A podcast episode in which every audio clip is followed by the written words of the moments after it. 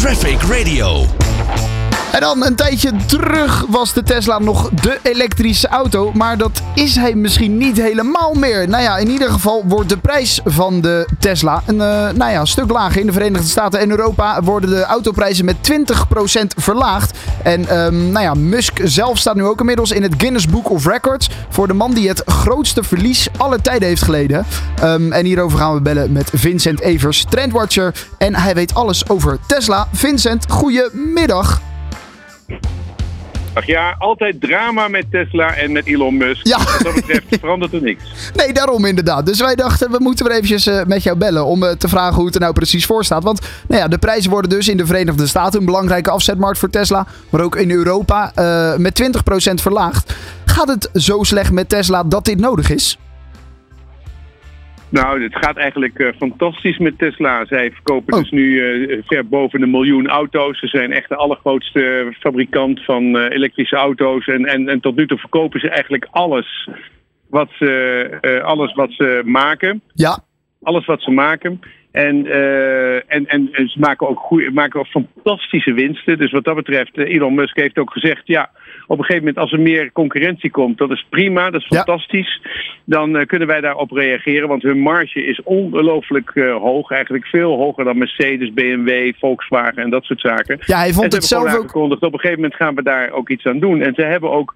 Ze hebben ook, uh, zijn enorm omlaag gegaan in de kosten van de batterijen. Ze, ze fabriceren nu in Europa, ze fabriceren in China. Eigenlijk is die prijsdrang is begonnen in China. Want in China hadden ze zeg maar een, uh, een fantastische fabriek. Die produceert meer dan alle andere fabrieken zeg maar, bij elkaar. Dus veel meer dan Amerika. Maar ze kregen daar wel, daar kregen ze echt last van uh, prijsdrang. Want er zijn 600 fabrikanten van elektrische auto's in China. Ja. En die begonnen gewoon eigenlijk uh, ja, Model 3's te bouwen met 20, 30, 40 procent uh, korting. En dat is natuurlijk, dat kunnen ze in China heel erg goed. En daar heeft op een gegeven moment heeft Elon gezegd, nou daar gaan we op reageren. En toen heeft hij de prijzen naar, van een Model 3 ergens in de buurt van de 36.000 euro neergezet. Terwijl ze hier 56.000 euro waren. En toen zat iedereen van hallo, ja, dit is echt belachelijk. En, en, en toen op een gegeven moment, heeft ze aan het begin van het jaar, zijn de, vorig jaar zijn de prijzen verhoogd. En nu heeft hij ze dan weer een stukje teruggebracht. En, dan, uh, en dat is gewoon uur puur om marktaandeel te behouden en ook om, en om ook eigenlijk de efficiëntie die er is, want hun winsten gaan eigenlijk gewoon erg omhoog, om die weer een stukje terug te geven. Ja, dus uh, hij zei zelf overigens ook al vorig jaar ergens een keertje in een interview dat hij de prijs van een Tesla eigenlijk beschamend hoog vond. Maar dat hij het wel kon vragen omdat er toch genoeg mensen waren die die auto wilden. Nou, de concurrentie, zoals jij net zegt, die neemt toe. En daarom moet de prijs dus ook wat omlaag. Maar dat is wel een wel degelijke verandering in de strategie van Tesla ten opzichte van 2020, 21, 22. Ja, oké, okay, dat is inderdaad. Maar hij heeft het al, hij heeft al gezegd, joh, we hebben een geweldige marge. Wij kunnen ons prima verdedigen. Uh, wij welkomen alle, uh, alle nieuwe fabrikanten. We zijn blij dat iedereen omgaat. Maar wij zullen gewoon zorgen dat wij, het, uh, dat wij blijven groeien. En ja, ja, ze hebben dus nu een nieuwe fabriek in Berlijn. Die nu 3000 zeg maar Model per week produceert. Dus dat is weer 150.000 erbij. Shanghai die produceert zeg maar een half miljoen auto's. En dan heb je nog zeg maar Californië. Dus wat dat betreft, zij produceren, zij zijn toch altijd weer 40, 50 procent uh, per jaar aan het uitbreiden. Ja. Wat wel interessant is, is dat op een gegeven moment was eigenlijk alle auto's die verkocht werden van elektrische auto's in Nederland waren, waren Tesla's. Maar nu is dat helemaal niet zo. Nee, nu staat uh, Tesla ergens op nummer 5 en is Volkswagen zeg maar uh, heel hoog en, en zijn alle andere fabrikanten, zijn de Duitsers erg daarmee begonnen. En, en, daar, uh, en daar mag ook wel echt een stukje, daar mag Tesla zich wel tegen verdedigen. Nederland heeft als eerste land, zo'n beetje, behalve Noorwegen, heel veel Tesla's gekocht. Je ziet ze overal. Ja. En op een gegeven moment waren er ook mensen van, nou ja, ik ga dan niet weer een Tesla kopen, want uh, ik bedoel, er zijn al zoveel Tesla's.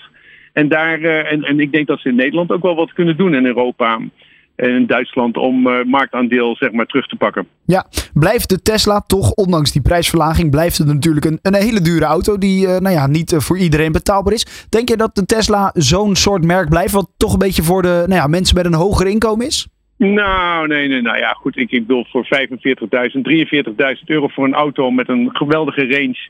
En waar autopilot zeg maar standaard in zit, is, is nou is in ieder geval heel competitief nu met, uh, met de Kia's en de uh, Hyundai's, die nu eigenlijk uh, gewoon, en de Volkswagens, zijn ze hartstikke competitief. wat zij wel, wat hun doel is, en wat Elon ook vaak heeft gezegd, het doel is een auto van 25.000.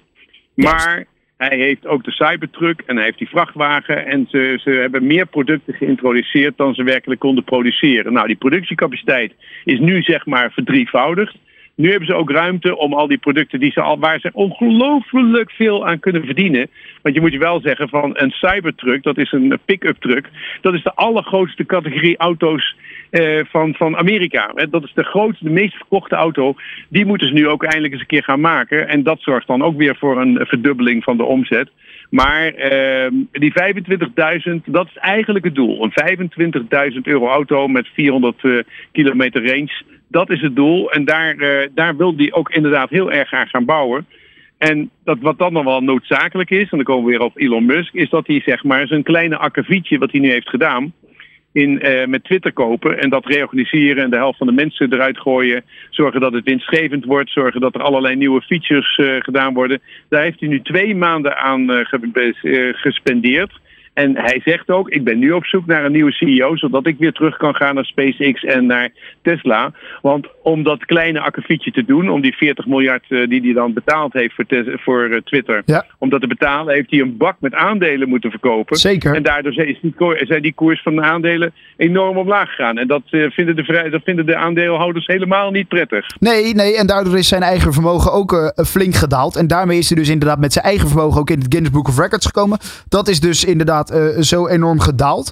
Um, dan toch nog eventjes terug, want zometeen uh, kunnen we misschien nog wel even iets meer over Elon Musk hebben. Maar toch nog eventjes terug naar die prijsverlaging voor die Tesla-auto's. Want uh, dat zorgt er wel voor dat er bijvoorbeeld in China, waar jij het net ook over zei, waar uh, nou ja, de prijzen al verlaagd zijn, dat er daar honderden mensen voor Tesla-dealers, voor een Tesla-dealer stonden. Omdat ze zeggen, ja, nu hebben wij een auto gekocht en die is nu ineens veel minder waard. En daardoor de tweedehandswaarde voor mijn Tesla is ook ineens veel lager. En dat is, nou ja, zorgt toch voor onvrede bij mensen die net een nieuwe Model of een Model 3, 3 hebben gekocht.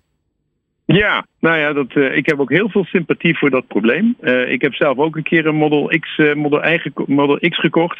En een paar maanden nadat ik hem gekocht had, ging hij met 30.000 omlaag. En toen zaten wij ook te protesteren. Toen zeiden ja. ze ook, jammer, sorry, dit is gewoon de prijzen. Dus ja, ze zijn er boos over. Maar aan de andere kant is het gewoon een fantastische auto. En heb ik er inmiddels wel weer vrede mee. Maar inderdaad, mensen worden niet blij als de prijzen van de auto omlaag gaan een maand of twee maanden nadat je het uh, gekocht hebt. Dus ik heb heel veel sympathie. Maar ik geloof niet dat hij daar nou enorm uh, dat hij zich daar enorm veel van gaat aantrekken. Nee, dat denk ik ook niet. Hij is inderdaad druk zat natuurlijk met andere dingen. Uh, Twitter, wat hij natuurlijk gekocht heeft. Hoe zit het met de, de, de, de betrouwbaarheid van, van Elon Musk? Merk je dat daarin? Wat nou ja, dat mensen hem misschien wat minder vertrouwen, hem als ondernemer zijnde, om alles wat nu om hem heen speelt. Dus bij Twitter zei hij inderdaad dat die platform ging veranderen. Nou ja, uiteindelijk werden alsnog wat accounts verbannen. Uh, zei hij ook dat hij uh, vroeg hij aan zijn volgers: joh, willen jullie een andere CEO? Toen zeiden ze ja, dat willen we. En toen zei hij: nou ja, dan moet je nog even wachten. Merk je dat de, de betrouwbaarheid van hem uh, wat omlaag aan het gaan is? Ach, eh, wat ik merk aan Elon Musk is dat hij uh, zijn leven lang al controversieel is geweest. Dus de ene vindt hem een enorme blaaskaak en die heeft er een ontzettende hekel aan. En de andere die vindt hem geweldig en dit is een uh, superguru.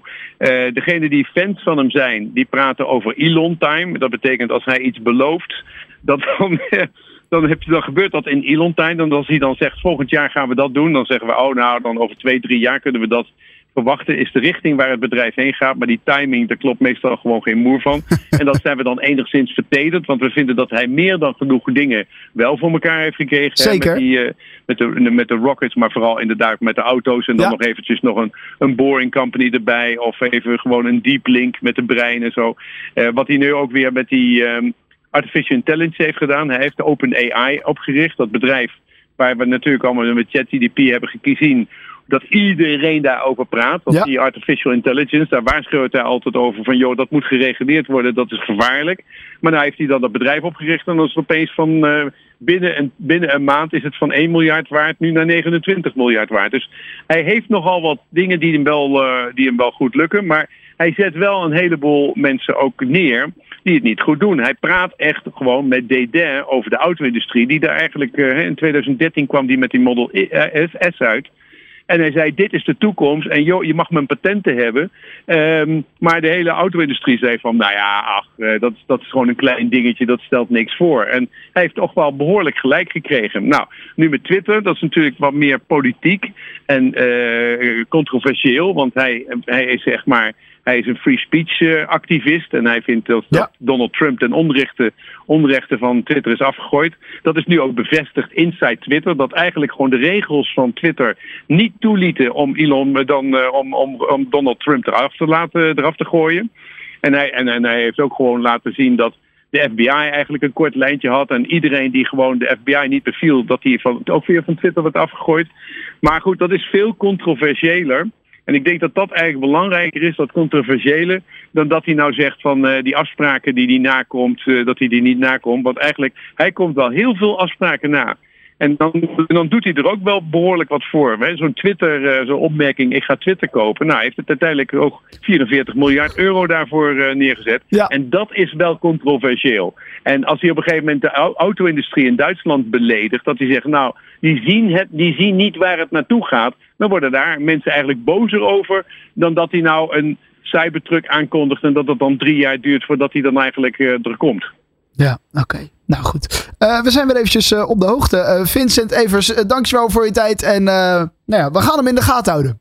Dat blijft interessant vinden. Alrighty. Oké okay, dan. Hey. Fijne dag hè. Always on the road. Traffic Radio.